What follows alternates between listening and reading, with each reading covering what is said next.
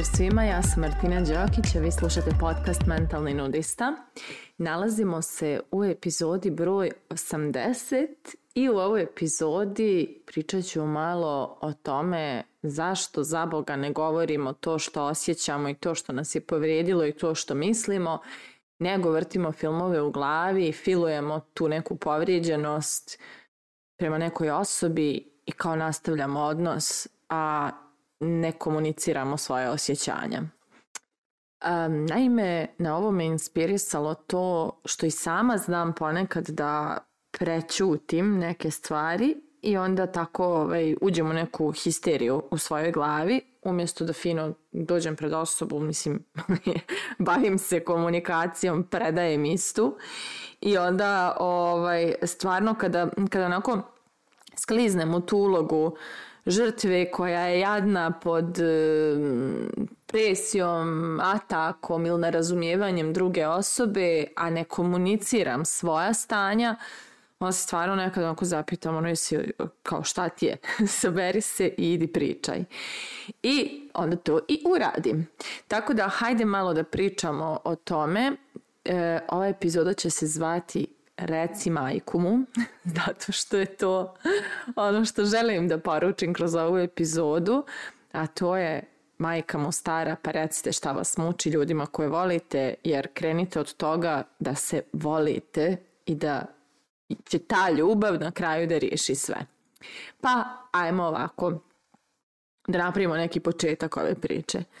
Naime, e, jako je velika sklonost u tome ja ne znam je li to naš mentalitet, mislim da jeste, ali mi smo tako, volimo puno da se zbližavamo, volimo da se povezujemo, da se petljamo jedni drugima u sve i svašta. Onda zbog te velike količine ovaj, intime koju okolo sijemo sa ljudima, emotivne intime, lako dođe do nekih ono,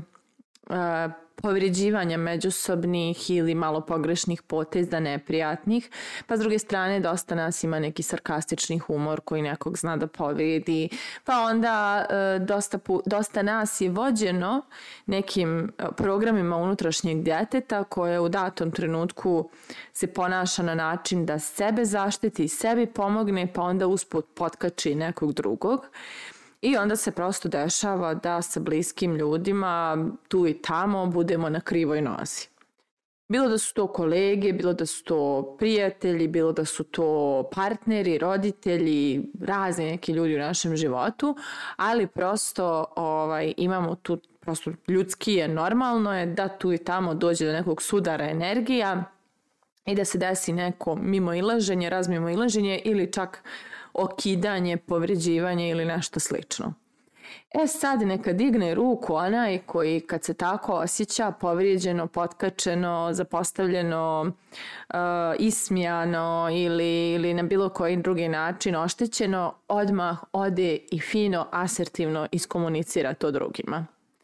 Moje malo privatno lično istraživanje je pokazalo da to nije baš najčešći način na koji rješavamo stvari, e, a pritom da napomenem da sam ja prilično okružena ljudima koji rade na sebi, vrlo su komunikativni, često povezani sa svojim emocijama, ali mislim da nam je neki ono program i obrazac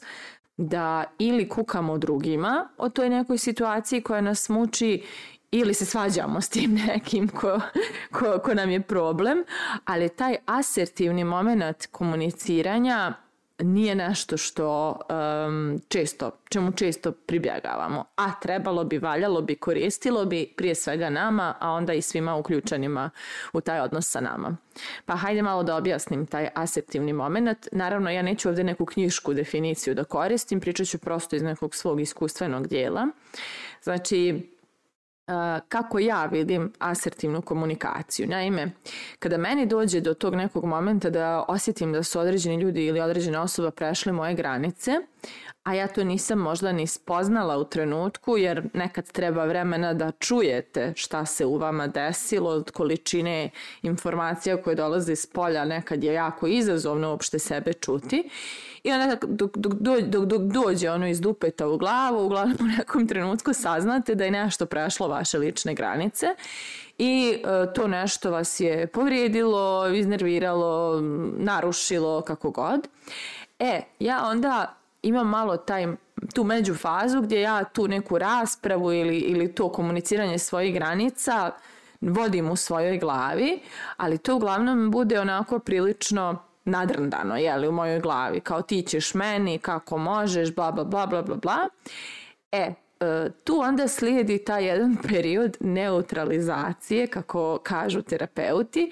a to je onaj moment kada nećete da iz afekta komunicirate šta vas muči, nego malo pustite da se to malo slegne i izduva u vama i da uđete u odraslu osobu. Onu osobu koja je svjesna da taj neko nije namjerno to uradio ili čak ako jeste, onda je on u nekom debelom problemu kad mora tako da se ponaša namjerno, ali u suštini uđete u resursno stanje i onda iz tog resursnog stanja pozovete nekog na razgovor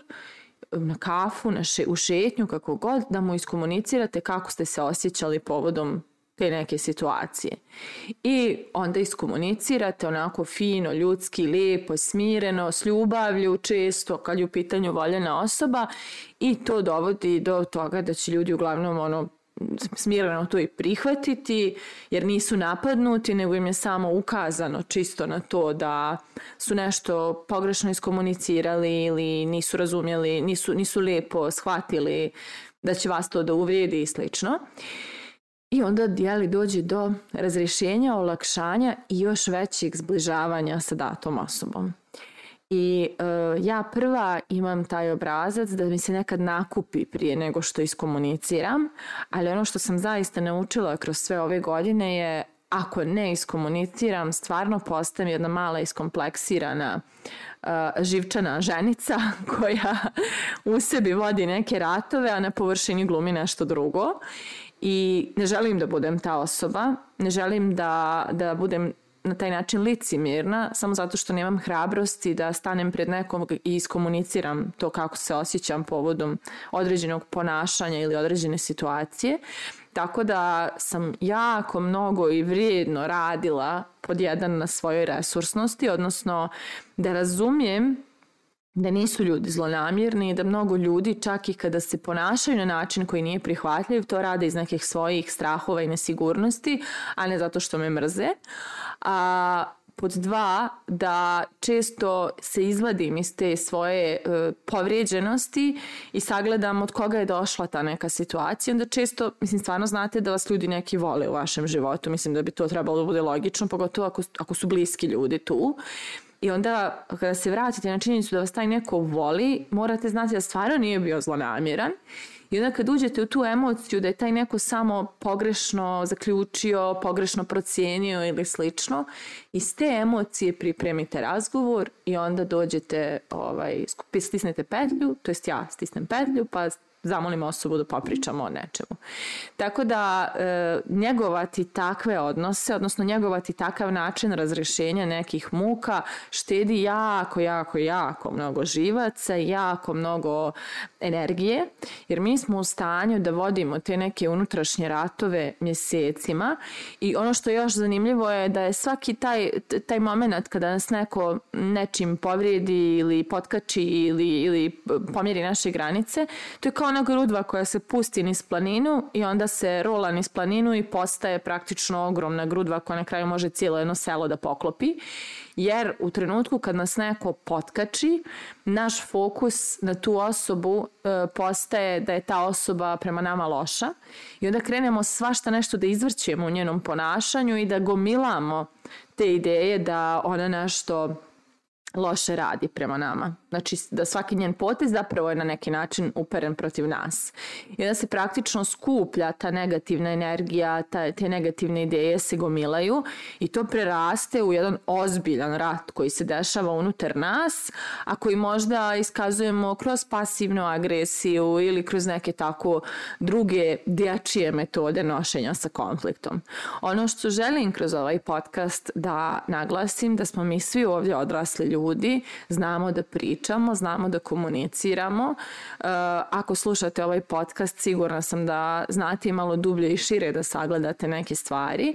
i da ukoliko u ovom trenutku nešto nosite u sebi i, i vodite neki rat koji niste iskomunicirali prema nekoj osobi koja je svakodnevno prisutna u vašem životu, vrijeme je da to iskomunicirate. Vrijeme je da se neutrališete, odnosno da tu svoju agresiju, tenziju i nervozu uh, umirite tako što ćete sagledati širu situaciju, sagledati tu poziciju te osobe u vašem životu, koliko je dugo tu, koliko vas je puta ispoštovala, voljela i slično. I onda iz te emocije doći i reći, joj, iskomunicirati joj neku svoju granicu. Odnosno, vrijeme je da kažete šta mislite i osjećate majka mu stara. Tako da, moje pitanje za kraj ove epizode je kome ćutite, zašto ćutite i kada ćete već jednom da kažete. Mislite o tome, a mi se družimo u narednoj epizodi.